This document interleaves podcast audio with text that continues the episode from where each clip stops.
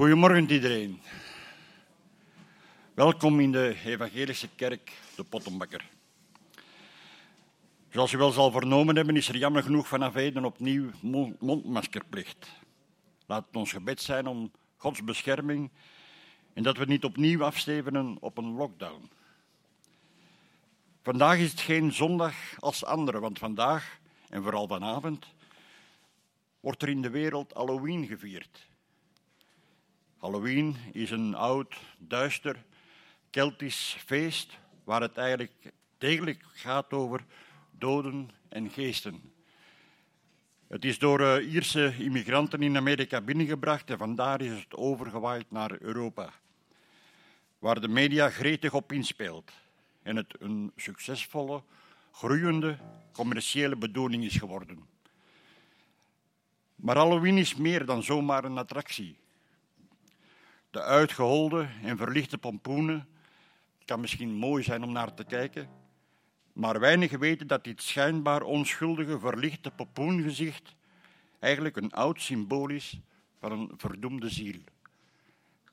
Kort samengevat, want ik wil hier niet te veel aandacht aan besteden, is Halloween een feest van de doden, waarbij het bijgeloof stelt dat geesten van overledenen werden opgeroepen om de levenden door voor één nacht te komen kwellen. De verkleedpartijen in monsterlijke gedrochten was dan bedoeld om die geesten te misleiden. In Matthäus 22 lezen we echter dat onze God geen God is van doden, maar van levenden. En daarom doen wij als christen ook niet mee met de gekte van Halloween. We vieren de dood niet. We vieren het leven. Niet één dag op het jaar, maar elke dag opnieuw. Maar laten we eerst uh, deze dienst opdragen in gebed. Hemelse Vader, dank u wel dat wij opnieuw mogen samenkomen hier. Tot lof en eer van uw naam, om u te loven en te prijzen, heren. Zegen deze dienst, zegen het, de, de, de liederen en het woord van vandaag, heren. Dat een woord mag zijn dat we in de komende week opnieuw mogen herkauwen. Zegen deze dienst, heren. Vraag ik u Jezus' naam. Amen. Nu, uitzonderlijk gaan we beginnen met het kindermoment. Omdat Nancy uh, nog onmiddellijk naar achter wil gaan om, om het nieuwe lied in te oefenen. Dus Nancy.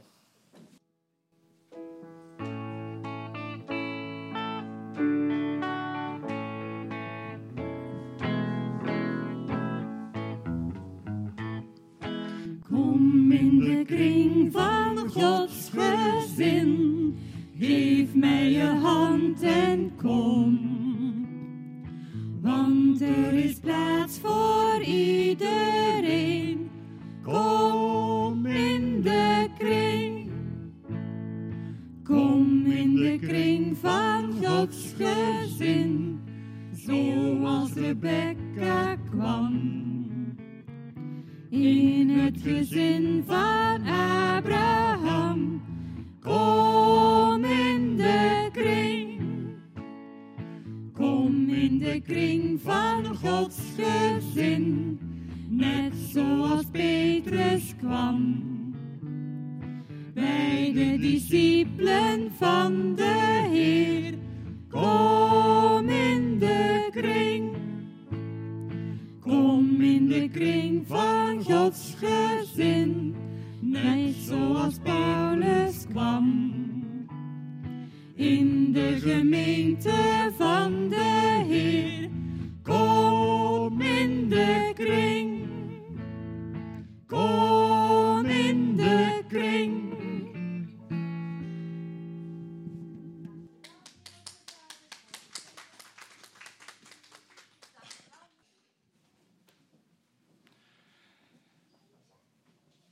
Gaan beginnen met het lied waarin we wel degelijk het feest vieren van de verrezen Heer. In Romeinen 13 lezen we, met het oog op Halloween, laten we ons daarom ontdoen van de praktijken van de duisternis en ons, ons omgorden met de wapens van het licht. En we gaan zo dadelijk zingen, Heer, u gaf mij aan mij uw vreugdeolie, een lofgewaad in plaats van rouw, een gouden kroon in plaats van as, overwinning in plaats van verdriet.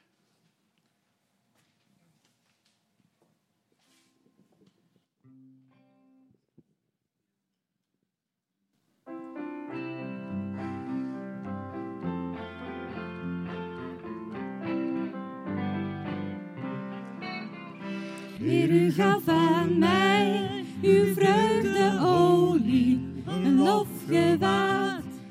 plaats van rouw, een gouden kroon in plaats van as, overwinning in plaats van verdriet. Ik verblijd mij zeer in u, mijn ziel verheugt zich en zingt, want u nam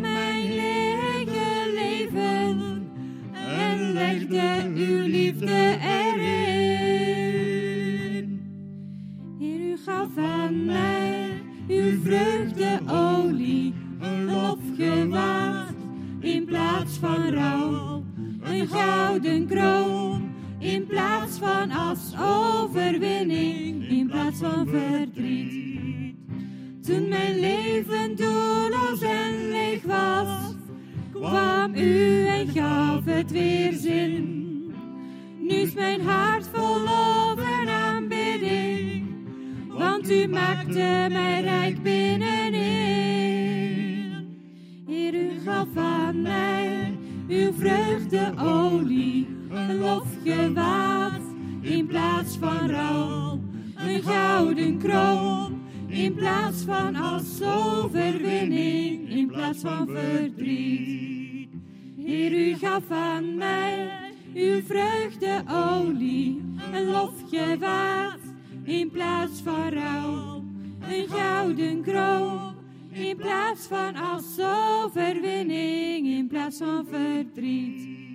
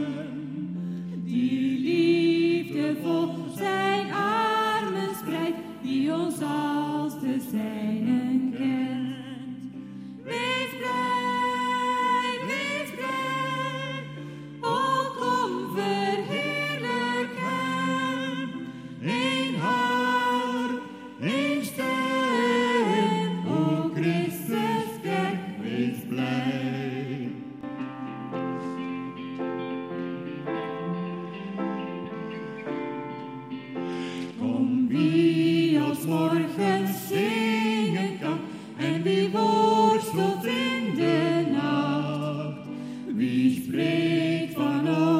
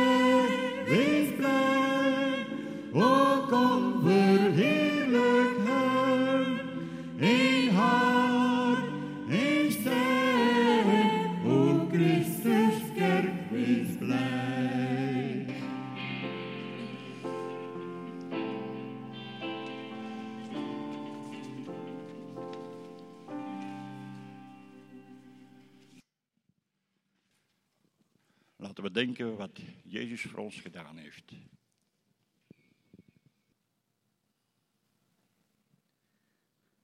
Almachtig God, dank u wel voor wie u bent. Woorden schieten tekort, Heer, om te verwoorden wie u bent, Heer. Dank u wel, Heer, voor uw geweldig offer, Heer.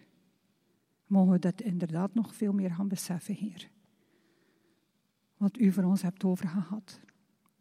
Uw grote liefde, uw oneindige genade. En ik wil u ook echt bidden, Heer. Hou ons heel dicht bij u, in ieder van ons. We hebben u zo hard nodig. We kunnen niet zonder u, Heer. Dank u wel dat u belooft dat u altijd bij ons bent. Altijd, Heer. Iedere seconde van de dag, dag en nacht. Dank u wel, Heer. Dat u ons bijstaat. Dat we inderdaad met alles tot u mogen komen, Heer. Dat u ons helemaal door en door kent. En dat dat van één ieder zo is. U bent zo almachtig groot, Heer. Niet één van, van uw kinderen onthaalt aan uw gedachten, Heer. U kent een ieder. U weet van één ieder, ieder detail van ieder zijn leven. En u gaat op weg met één ieder van ons, Heer. Dank u wel daarvoor. Dank u voor wie u bent, Almachtig God. Leer ons, leer mij, om nog veel meer te leven tot eer van uw naam, Heer. Amen.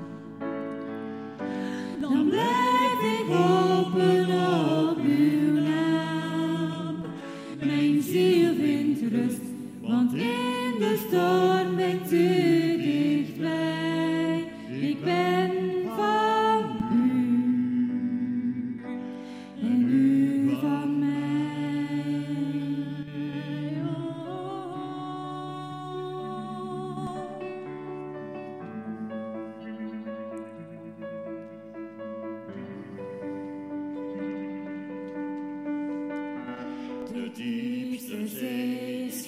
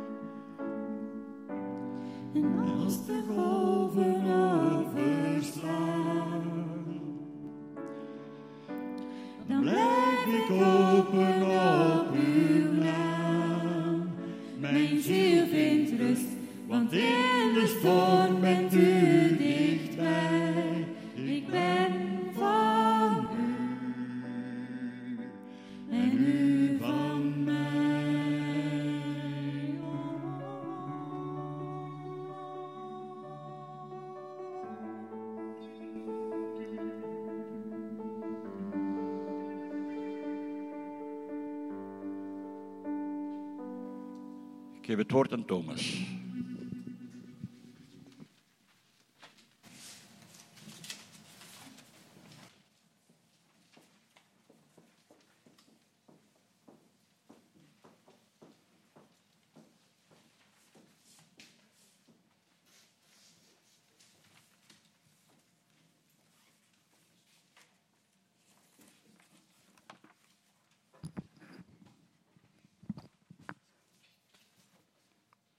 Goedemorgen. Dank u wel voor de liederen, voor de muziek. Goed dat we dit samen kunnen doen. We gaan vandaag hebben over het, evangelie, hoe het evangelie levens verandert. Ehm, het evangelie, weten we, kwam door Jezus in deze wereld. Het goede nieuws, de blijde boodschap voor iedereen. En door het evangelie mogen we tot God komen. eh, na onze dood, na de dood. Maar ook vooral vandaag. Dus het evangelie werd ook heel krachtig vandaag. En verandert echt onze levens. En daarvoor gaan we eens lezen in een passage in Johannes. Het is een verhaal eh, over hoe dat Jezus omging met de Samaritaanse vrouw. We gaan eens kijken over, we gaan eens lezen dit verhaal in Johannes hoofdstuk 4.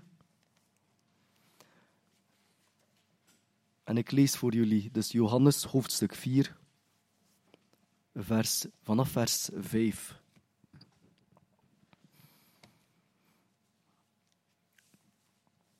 En hij kwam dan in een stad van Samaria, genaamd Sichar, dicht bij het veld dat Jacob aan zijn zoon Jozef gegeven had. Daar was de bron van Jacob. Jezus nu was vermoeid van de tocht en bleef zo bij de bron zitten. Het was ongeveer het zesde uur. Er kwam een vrouw uit Samaria om water te putten.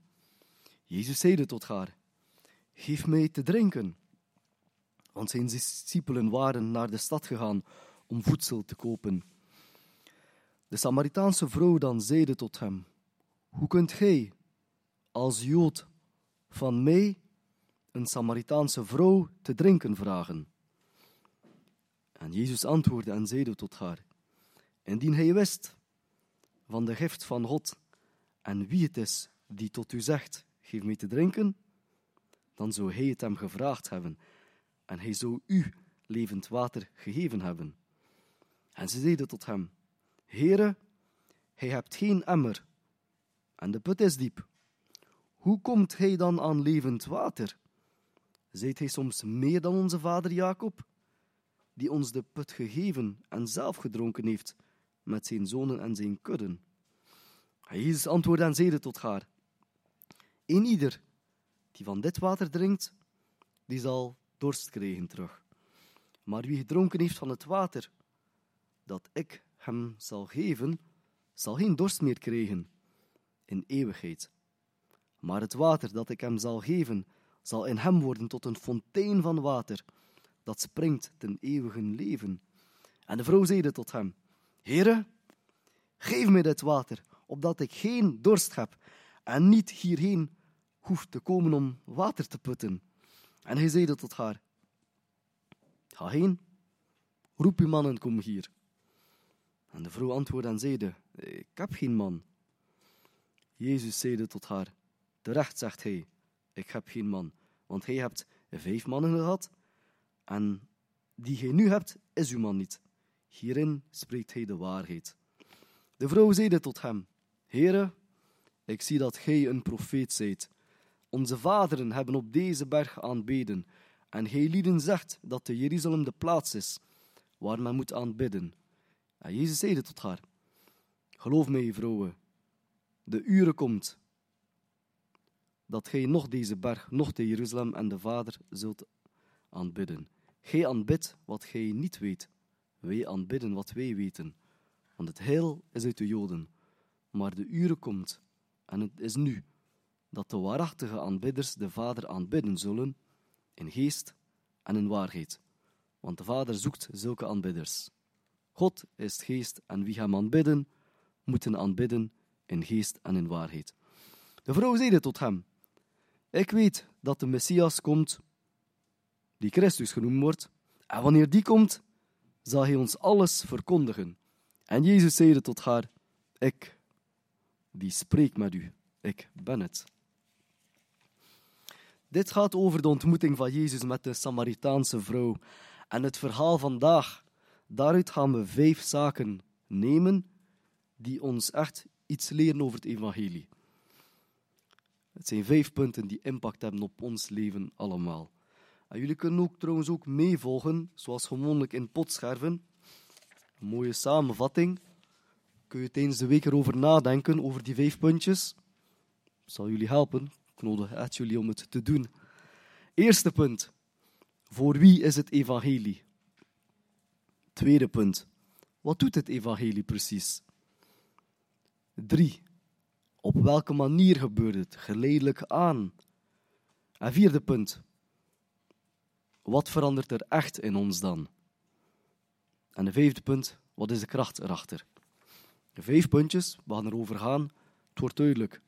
Eerste punt. Voor wie is het evangelie? Laten we meteen beginnen. Het evangelie is voor iedereen. En deze ontmoeting is heel bijzonder tussen Jezus en de Samaritaanse vrouw. Het is niet enkel bijzonder, het is ook een chockerende gebeurtenis. Het is een, iets wat eigenlijk in die tijd niet mag gebeuren, niet mocht gebeuren.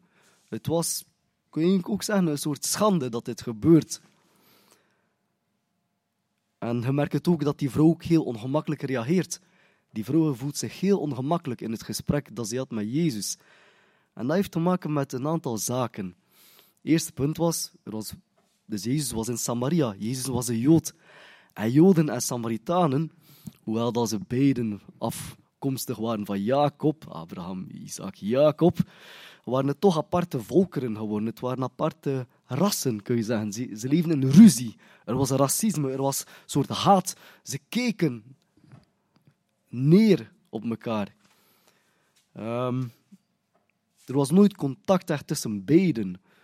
Misschien kun je dat zo'n beetje vergelijken zoals de Irakezen en Iranezen. Ook zegt, dat gaat zo, echt zo. Ze, kunnen elkaar zelfs gezicht niet zien. Het is dan wel dezelfde God, God van Abraham, dat zeide. Maar dus het is al heel vreemd dat een Jood al een gesprek had met de Samaritaan. Bovendien was het ook zo, Jezus was een man, zij was een vrouw. En in die cultuur en die tijd was het helemaal niet normaal om als man te spreken met een vrouw Ten eerste dat je niet kende. En vooral niet in het openbaar. Dat had onder andere te maken met dat vrouwen ook minderwaardig waren. Maar naast dat ze minderwaardig waren, beschouwd het, gebeurde gewoon niet. Het mocht niet. Je deed dat gewoon niet. Als man, dat, dat was niet... Ja, nee. Dat was niet oké. Helemaal niet oké. Bovendien was er ook het verschil tussen morele wat verschillen. Dus Jezus, een goede man, een brave man, perfecte man. Dit hier, de vrouw, kwam op het zesde uur. Wat je moet begrijpen is, het zesde uur is zo 12, laten we rond de middag, zo 12 uur s middags, waar dat het echt super warm is. En normale, normaal gezien gingen de vrouwen samen waterputten s morgens, als het nog koel was. En wat zien ze dat die vrouw, die vrouw is bezig zo over de middag heel op haar eentje water aan het putten. Dus we zien al, deze vrouw was al sowieso al afgezonderd van de rest. We weten dat zij, ja, dat, zij was verworpen door de maatschappij. Zij was een zondaar, ze was een schande voor de maatschappij. Ze was vuil. En daar is zij in gesprek met een, een deftige mens, met Jezus. Jezus die doorbrak alle mogelijke muren die mogelijk waren in de tijd tussen een persoon. In dit geval een Jood, Samaritaan, vrouw, man, moreel, helemaal slecht tegenover goeie. Dus wat dat Jezus, dus Jezus die doorbrak al die muren en die ging gewoon in gesprek met die vrouw. Die had het over het leven. Hé, hey, kijk, laten we samen een gesprek hebben over het leven. Laten we eens nadenken over wat het betekent om hier te zijn. Laten we eens nadenken over de huidige situatie. Het maakt niet uit wie dat je bent of wat dat je bent. Ehm, we zien hier dat Jezus in contact was met iedereen. En bovendien had hij het ook over een geschenk. Je moet beseffen, een geschenk... Je hebt een verschil tussen een, je geschenk krijgen of je loon krijgen. Als je je loon krijgt, dan betekent dat je dat verdient. Je hebt ervoor gewerkt, je bent goed geweest. In het geval van een geschenk is het niet omdat je het verdiend hebt, het is gewoon omdat het je gegeven werd. En als je een geschenk ontvangt en je aanvaardt het, dan besef je dat dat niet is omdat je goed bent. Ook niet omdat je het verdient, ook niet om wat je weet of wat je hebt gedaan, helemaal niet. Op het moment dat je een geschenk aan ontvangt en aanvaardt, dan besef je, dan ga je ook erkennen dat je dit krijgt, omdat, het, omdat iemand het jou gegeven heeft. Het maakt je niet trots, het maakt je eerder dankbaar. Een beetje nederig zelfs, van hé, hey, hey, dank je voelt je ook niet groot. Je voelt je gewoon, ja, je voelt je wel misschien klein, maar wat dat vooral is, je voelt je, ja, er wordt, ja, er wordt naar je gekeken. Er wordt voor je gezorgd. Je, je, je, bent, ja, je, je voelt je geborgen op een bepaalde manier. En dus het evangelie is niet enkel voor de slechte mensen, maar ook voor de goede, want voor God maakt het niet uit. Wat dat telt is dat je erkent van wie het komt en dat je het in dankbaarheid aanneemt. Jezus die ging op weg met zijn leerlingen. Zijn leerlingen waren ook niet altijd oorspronkelijk van de beste, maar je ging op met kinderen, je ging om, met vrouwen, met mannen, met zondaars, met goede mensen, met echt goede religieuze leiders.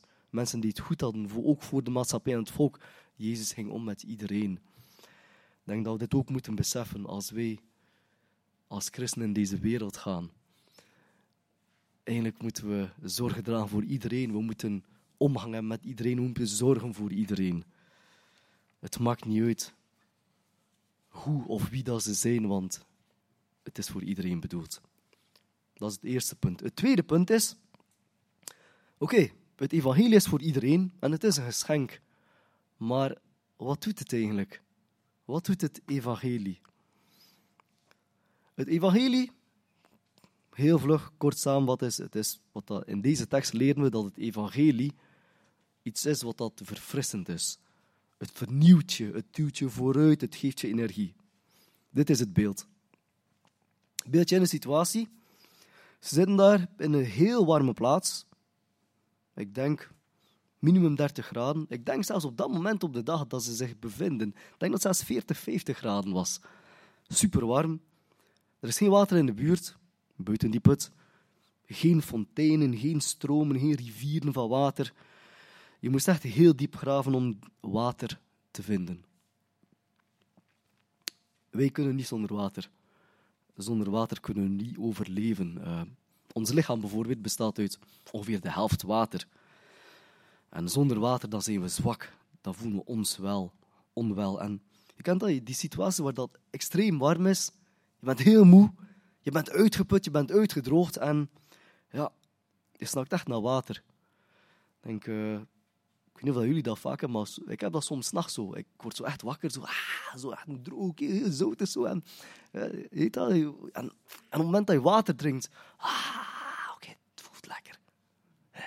Maar dit is, dit is niet, nee, dit is veel erger dan dit. Dit is, dit is je zit daar echt in de, in de hitte, in min op de dag. Ze zijn, en op het moment dat je op zo'n moment water krijgt, dan is het verfrissend. Het geeft je energie. Het duwt je vooruit. En Jezus is bezig met die vrouw. In, in die situatie is hij bezig met die vrouw. Van, hé, hey, je weet waarin dat we zitten nu. Uh, vrouw, beste Samaritaanse vrouw. Je bent hier water aan het, aan het nemen uit de put. En geef me eens water. Ja, en dan gaat het gesprek zo van, ja, oké, maar, maar oké, je bent een Jood, ik ben Samaritaanse vrouw, wat doe je eigenlijk? Je bent hier alle muren aan het doorbreken, je bent in gesprek met mij. En dan zegt hij, hey, weet je wat? Ik heb ook zo'n soort water, ik heb water, ik heb levend water, vertelt hij op een bepaald moment. We gaan het verder zien hoor. Maar, en het water dat ik heb voor jou, is hetzelfde als het water dat je haalt uit deze put. Maar het is voor je ziel. Het is voor je binnenste. Ik heb iets voor jou dat je nodig hebt. En als je het hebt, dan verfrist het jou. Dan, dan raakt het jou diep van binnen. Het verandert jou van binnen. Het verandert je denken, het verandert je leven. En waarover gaat het? Jezus heeft het over het geloof, over de Heilige Geest. Als de Heilige Geest in jou komt, dan vertelt de Geest, dan krijg je besef dat God jou het leven gaf. God heeft liefde voor jou. En dat geeft je rust, dat geeft je vrede, het geeft je vertrouwen. En dat gaat zo in, in goede momenten, maar ook in slechte momenten. Het raakt je aan en het zal je vernieuwen. Dus het evangelie is voor iedereen, het is een gift. En het is iets wat dat je ziel wat dat je binnenste vernieuwt, wat dat je aanraakt. We gaan straks verder op in detail gaan hoe dit jouw ziel aanraakt en waarom. Maar eerst gaan we gaan naar het derde punt. Het evangelie is iets wat dat heel aan stap voor stap in je leven komt. Stap voor stap verandert het je leven, bedoel ik. Laten we eens kijken naar het verhaal hier opnieuw. Jezus geleidelijk aan, stap voor stap, gaat in gesprek met die vrouw. En je merkt dat hij op een vrij rustige manier omgaat met die vrouw, op een zeer geduldige manier. En hij brengt haar totdat zij beseft wat dat eigenlijk echt bedoelt, van ik ben de Messias. Hoe begint het? Het begint met de simpele vraag van ik heb dorst, zou ik water mogen hebben van jou? Dan had hij het gesprek verder aan, die vertelt over het levend water. Ik heb, ik heb iets, ik heb levend water. Ik heb water dat je leven heeft. En dan zegt ze, hey, weet je wat, dat is tof. Dat, klinkt wel, dat klinkt wel interessant. Geef mij dat water. Geef mij dat levend water. En ik, ik, ik kan niet opmaken of dat zij het meende of niet. Misschien dacht ze dat Jezus uh, een of ander magische krachten had, een of ander tovenaar was of zo. Misschien dacht ze dat. Of, of, misschien was ze gewoon benieuwd van, wat die kerel doen? Levend water die hij aan mij wilt geven. Ze zegt van, geef mij dan levend water. En dan vraagt Jezus, waar is je man? Breng je man naar hier. Ze voelt zich een beetje verlegen van, ja, kijk, uh, waarom heeft het over mijn man? Eh, ze voelt zich een beetje in een rare situatie, ze beschaamd. Want als vrouw in die maatschappij, zonder man, ja, dan, ja, dan was, je, was je niets. Bovendien, als je dan een gescheiden vrouw was, dat was nog erger. En als je dan nog vijf verschillende mannen hebt, dat was gewoon... Ja, dus er zat geen zin om erover te spreken. Ze ja, ik, ik, ik, heb geen man. Ik heb geen man. En Jezus, oké, okay, Jezus keert oké, okay, ga verder. Ja, oké, okay, ik, ik, weet dat je geen man hebt. Je hebt, je hebt, je hebt vijf mannen gehad. Uh, ik, ik weet, uh, ik weet hoe, hoe, je leven in elkaar zit. En wat dat zij dan doet, is van, ah, die kerel leeft me vast. Die kerel is gewoon bezig over mijn leven. Ik heb geen zin om over mijn, mijn verleden te praten. Nee, nee. hey, ik hoor dat jij wijze man bent. Laten we hem over, over de tempel. Hè, zo eens even manoeuvre, weet je wat. Laat ons niet over mij spreken. Nee, weet je wat. Laat ons spreken over de tempel. In der tijd dat was een heel een politiek probleem. Waar was de tempel? Was dat in Jeruzalem? Of was dat op de berg in Sam, Samaria? Dat was echt een heel politieke, politieke discussie, religieuze discussie. En oké, waar moeten wij nu God aanbidden? Is dat in Samaria of is dat in Jeruzalem? Oké, Jezus gaat mee met die vrouw op weg van, ja, ja weet je wat, is, momenteel is het in Jeruzalem. Maar er komt een bepaald moment dat dat niet meer van toepassing zal zijn. Op een bepaald moment ga je overal God kunnen aanbidden. Hij zei, oké, ze is dan bezig. Uh, oké, die kerel weet wel iets. Ik ga mij ook even tonen, zegt die vrouw. Hey, ik ken het ook. Ik weet, als de Messias komt, dan komt alles in orde. En Jezus zegt, ik ben de Messias. Ik, moest Jan hier zijn, dan zou hij zeggen, Thomas, je bent rond de pot aan het draaien. Maar dat is wat dat Jezus doet. Jezus die ging niet direct naar die vrouw, ik ben de Messias. Nee, Jezus die ging in gesprek met haar. Ik weet niet wat rond de pot draaien is. Nee, ik, ik vind, je was eerder bezig met die vrouw. Stap voor stap, geleidelijk aan. Had hij het over verschillende onderwerpen. Om haar uiteindelijk te brengen bij de Messias. Het evangelie werd geleidelijk aan in je leven. Vaak de meeste mensen die tot geloof komen. De meeste mensen die tot geloof komen, die de eerste stap tot God zetten, die doen dat omdat ze iets misten in hun leven of omdat ze iets nodig hadden. God, kun je mij helpen met dit? God, kun je mij even een antwoord geven? Dat is de eerste stap. Vaak is dat de eerste stap. Of God, ik ben ziek en ah, help mij toch. Of ik zit in de problemen, help mij. De meeste mensen komen tot God omdat ze iets willen, omdat ze iets verlangen. Maar naarmate dat ze dan bezig zijn daarmee met God, merken ze dat ze in het begin eerst met zichzelf bezig waren, maar beetje bij beetje merken ze dat ze minder met zichzelf bezig zijn, maar eerder met de God, met echt die God. Geloof is iets als een boom. De wortels gaan eerst zeer diep in de grond, heel diep. En pas als die wortels heel diep zijn, dan pas begint de boom te groeien naar boven.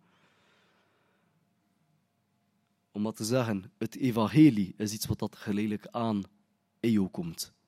Geleidelijk aan verandert het jou. Het is een geschenk voor iedereen. Het is verkwikkend voor je ziel. Het verfrist jou. En het gebeurt geleidelijk aan. Dus dat leert ons ook om geduld te hebben met mensen, met iedereen rondom ons. We kunnen niet verwachten, ik heb je over het evangelie verteld en ik verwacht meteen een verandering in je leven. Nee. We gaan rustig aan met elkaar om. Geduldig, stap voor stap. En misschien duurt het 60, 70 jaar voordat iemand echt helemaal begrijpt wat het betekent om christen te zijn. En dan een vierde punt, een belangrijk punt. Ik had het over het verkwikt je ziel. Hoe verandert het evangelie je leven eigenlijk? Waarom verandert het evangelie je leven? Er is één, één kantelmoment in dit verhaal en dit is het volgende. De vrouw vraagt aan Jezus, geef mij het levend water. Geef mij dat water. Alsof ik zo vraag aan Stefan, hé hey, Stefan, maak een glas water. En dan zegt Stefan, waar is je vrouw? En ik, wow, wow, wow, makker, oké, rustig aan, man. Ik, ik, ik vroeg gewoon even water. Hey, ik, ik, ik weet niet of je dat beseft, maar we lezen er zoveel over. Geef me dit water, Jezus. Waar is je man? Hey, yo. Ik, ik snap het niet. Ik ben verward. Ik, ik begreep totaal niet waarom dat Jezus opeens het heeft over een man en over water. Nee, dat heeft niets met elkaar te maken. Hè? Nee? Klinkt logisch? Klinkt toch niet logisch, hè? Bizar. Maar het heeft alles met elkaar te maken. Het heeft alles met elkaar te maken. Jezus ziet het volgende. Jezus ziet die vrouw komen naar de put om water te halen. En die zegt, weet je wat er gebeurt? Je weet het van jezelf. Je komt water halen, je drinkt, je gaat weg. Hij komt terug, want je hebt weer dorst. Je, je, je neemt weer water, je drinkt, je gaat weg, je hebt weer dorst. Hij blijft maar komen naar de put. Je blijft komen en komen en komen. Maar ik heb iets voor jou. En als je dit drinkt, dan moet je niet meer tijd terugkomen, want dan heb je nooit meer dorst. Jezus zegt, ik zie dat je dorst hebt. Ik zie dat je helemaal verloren bent in je leven. Je bent dorstig, je bent op zoek naar iets. Je drinkt, maar je, vindt, maar je wordt niet verzadigd. Waarom heb je zoveel mannen gehad? Waarom, waarom zoek jij vrede in mannen? Waarom zoek jij, ik weet niet, je, je, je, zoekt je doel. Blijkbaar is je doel in je leven, blijkbaar, je, je hoopt het te vinden in mannen. Waarom ben je zo onrustig? Je gaat van de ene man naar de andere man. Je hoopt daar rust te vinden. Je hoopt daar vrede te vinden. Je hoopt daar uiteindelijk op je gemak te zijn. Maar nee, het lukt niet. Dus wat doe je? Laat die man opzij gaan naar de volgende man. En bovendien, de man die je nu bij zit, is niet eens jouw man. Je hele leven ben je op zoek naar vrede. Je hele leven ben je op zoek naar voldoening. Je zoekt naar geluk. En, en jij hoopt het te vinden in mannen, maar je vindt het niet. Je krijgt geen rust. Je zoekt geluk op een foute manier. En daarom blijf je dorst hebben. Je blijft komen naar de verkeerde put van water. Nu, ik ben wel akkoord, die waterput heeft er weinig mee te maken. Jezus gebruikt als beeld, hè. Die waterput, oké, als je terugkomt. Maar Jezus, Jezus heeft het over haar leven. Wij allemaal, we zijn op zoek naar geluk. Of dat je christen bent of niet christen. Of dat je boeddhistisch bent of moslim of ik weet niet wel, of katholiek of protestant. Iedereen is op, of zelfs atheïst. Iedereen is op, op zoek naar geluk, naar rust, naar vrede. Iedereen is op, op zoek naar de zin van het leven, naar de vervulling van het leven. De vraag is, op welke manier zoeken jullie naar dit geluk? Het is belangrijk dat jullie allemaal naar jezelf kijken en nadenken wat dat jullie het belangrijkste vinden in jullie leven. Of wat, stel dat dat ene ding in je leven, als het zou weggehaald worden van jullie, dan zou je leven ineenstorten. Wat is het? Iedereen heeft iets. Of heeft een paar dingen in je leven. Als je het weghaalt, dan stort je leven ineen. Het kan gaan tot geld, je status, een goede job, goede studies, je auto, je gsm, je lichaam misschien, je goed kleden, goed voor jezelf zorgen, je imago, je imago op sociale media, kan. Hoeveel volgers dat je hebt op YouTube of op TikTok of op Facebook, hoeveel likes dat je krijgt. Het zijn niet ook altijd slechte dingen dat belangrijk zijn, het belangrijkste zijn in je leven. Het kunnen ook vrij goede dingen zijn. Mijn kinderen zijn het belangrijkste in mijn leven misschien. Of je man, je vrouw, je vriendinnetje, je vriendje. Ik zeg niet dat je dat allemaal moet laten vallen. Totaal niet. Mijn bedoeling is niet om al deze zaken te laten vallen. Voor sommige dingen heb je echt aandacht nodig, zoals voor je kinderen of voor je familie en al. Maar het mag niet het belangrijkste zijn in je leven. En dat is een gevaar voor je leven. Vandaar zegt Jezus, of leert Jezus aan die vrouw, leert Jezus aan ons: hey, bouw je leven op iets wat vast is. Op God, Hij die het leven heeft. Laat Hem de eerste plaats in je leven. En de rest komt erna.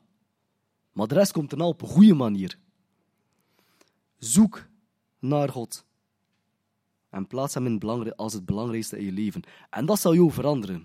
En de reden is het volgende. Eerst waren wij mensen waarop we op dingen vertrouwen die eigenlijk niet betrouwbaar zijn. Dat is jammer om te zeggen. En daarom hebben we steeds dorst. Daarom krijgen we geen vrede en rust.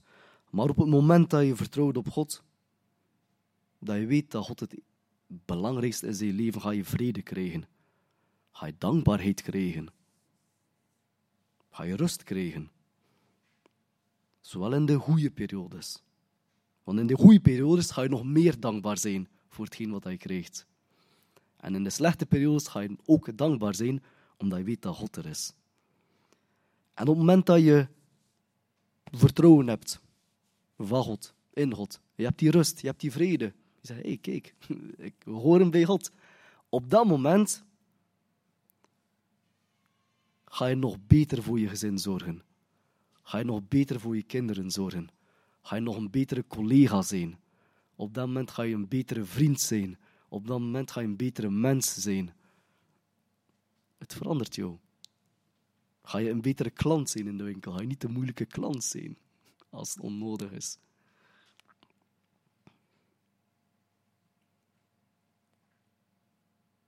Het is dus een gift voor iedereen. Het vernieuwt je ziel. Het vernieuwt je van binnenuit. Het gebeurt geleidelijk aan. En het gebeurt geleidelijk aan. En wat dat er gebeurd is, ons hart wordt van binnen veranderd doordat wij ons leven steunen op God in plaats van op dingen waar dat we niet op mogen steunen. En wat is de reden waarom dit allemaal mogelijk is? Het laatste punt, punt 5, het gemakkelijkste punt, Jezus Christus. Iedereen kan tot God komen. Ik denk dat dit ook belangrijk is voor ons. Weet je, ik moest nog eens aan iets anders denken. Als wij als christenen, of ja, als mensen in deze wereld rondlopen en we zijn in contact met mensen die misschien moraal minder goede morele waarden hebben dan ons, die misschien slechter zijn dan ons, die misschien in zonde leven, of die gewoon niet goed bezig zijn, dan is het niet aan ons om een houding te hebben van hey, je bent slecht bezig. Totaal niet. Dan is het niet aan ons om hen te wijzen op hun fouten, helemaal niet. Het is aan ons om nog meer geduld te hebben voor die mensen. Om nog meer liefde te hebben voor die mensen.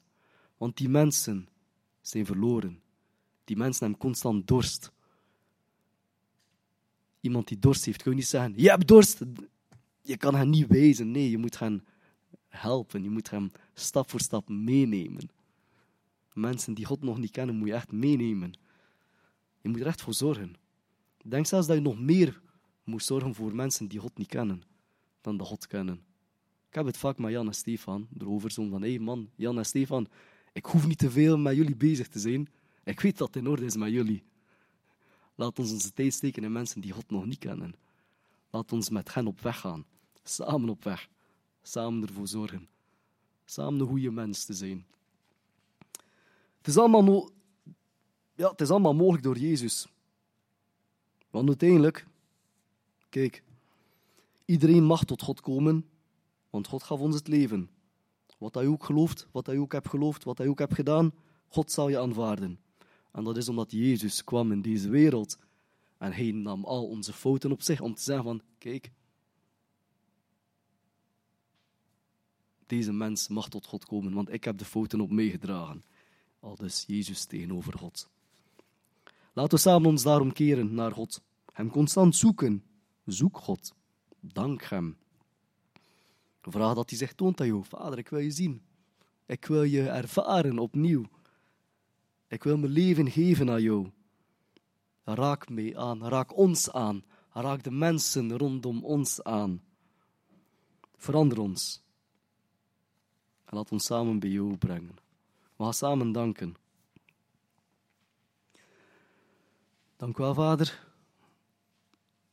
voor het evangelie dat u ons gegeven heeft. De mooie, de mooie boodschap. Dank u wel dat we bij u mogen komen.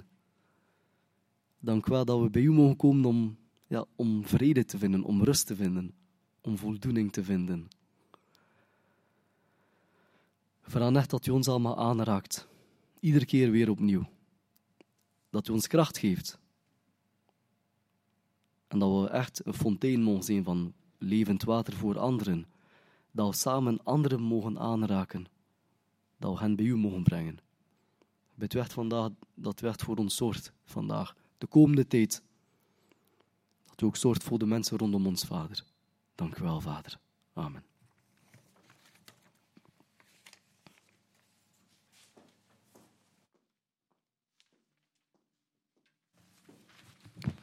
Bedankt, Thomas.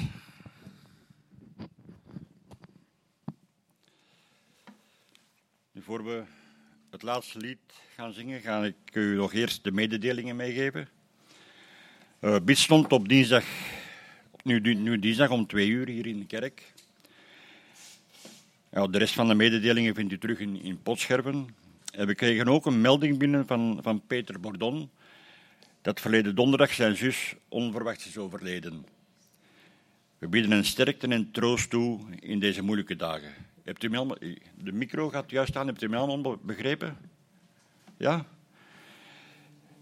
En tenslotte hebben we een jarige in ons midden. Steek eens even uw wand omhoog, wie er vandaag allemaal jarig is. Niemand? Als de jij jarig?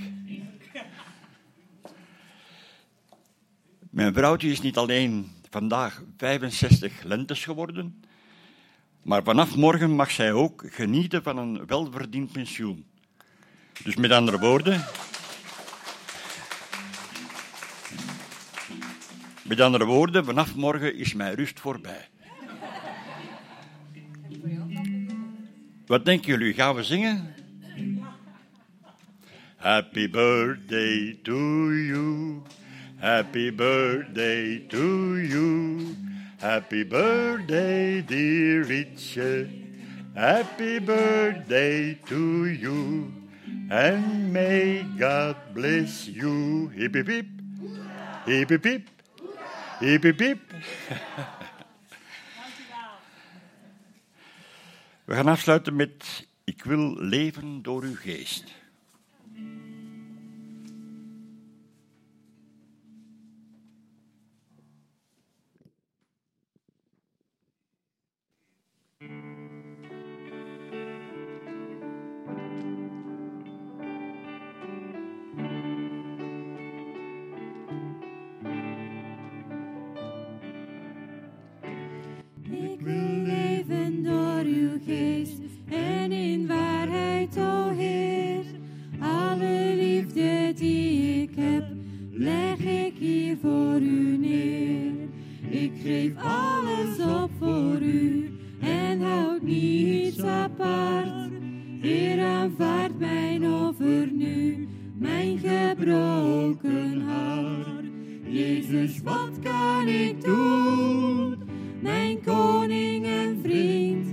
U gaf alles voor mij, meer dan ik had verdiend.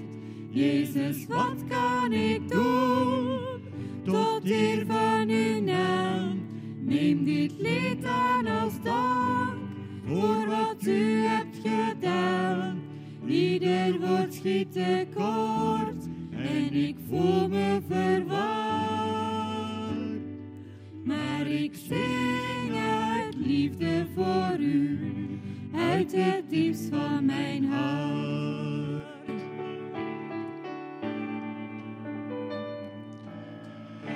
Heer, mijn dankbaarheid is groot, om wat u hebt betaald. Door uw lijden en uw dood werd mijn leven bepaald. U nam alle schande weg van mijn zonde en schuld en hebt mij vanaf uw troon met uw liefde vervuld. Jezus, wat kan ik doen, mijn koning en vriend? U gaf alles voor mij, meer dan ik had verdiend. Jezus, wat kan ik doen, tot hier van uw naam? Neem dit lied aan als dank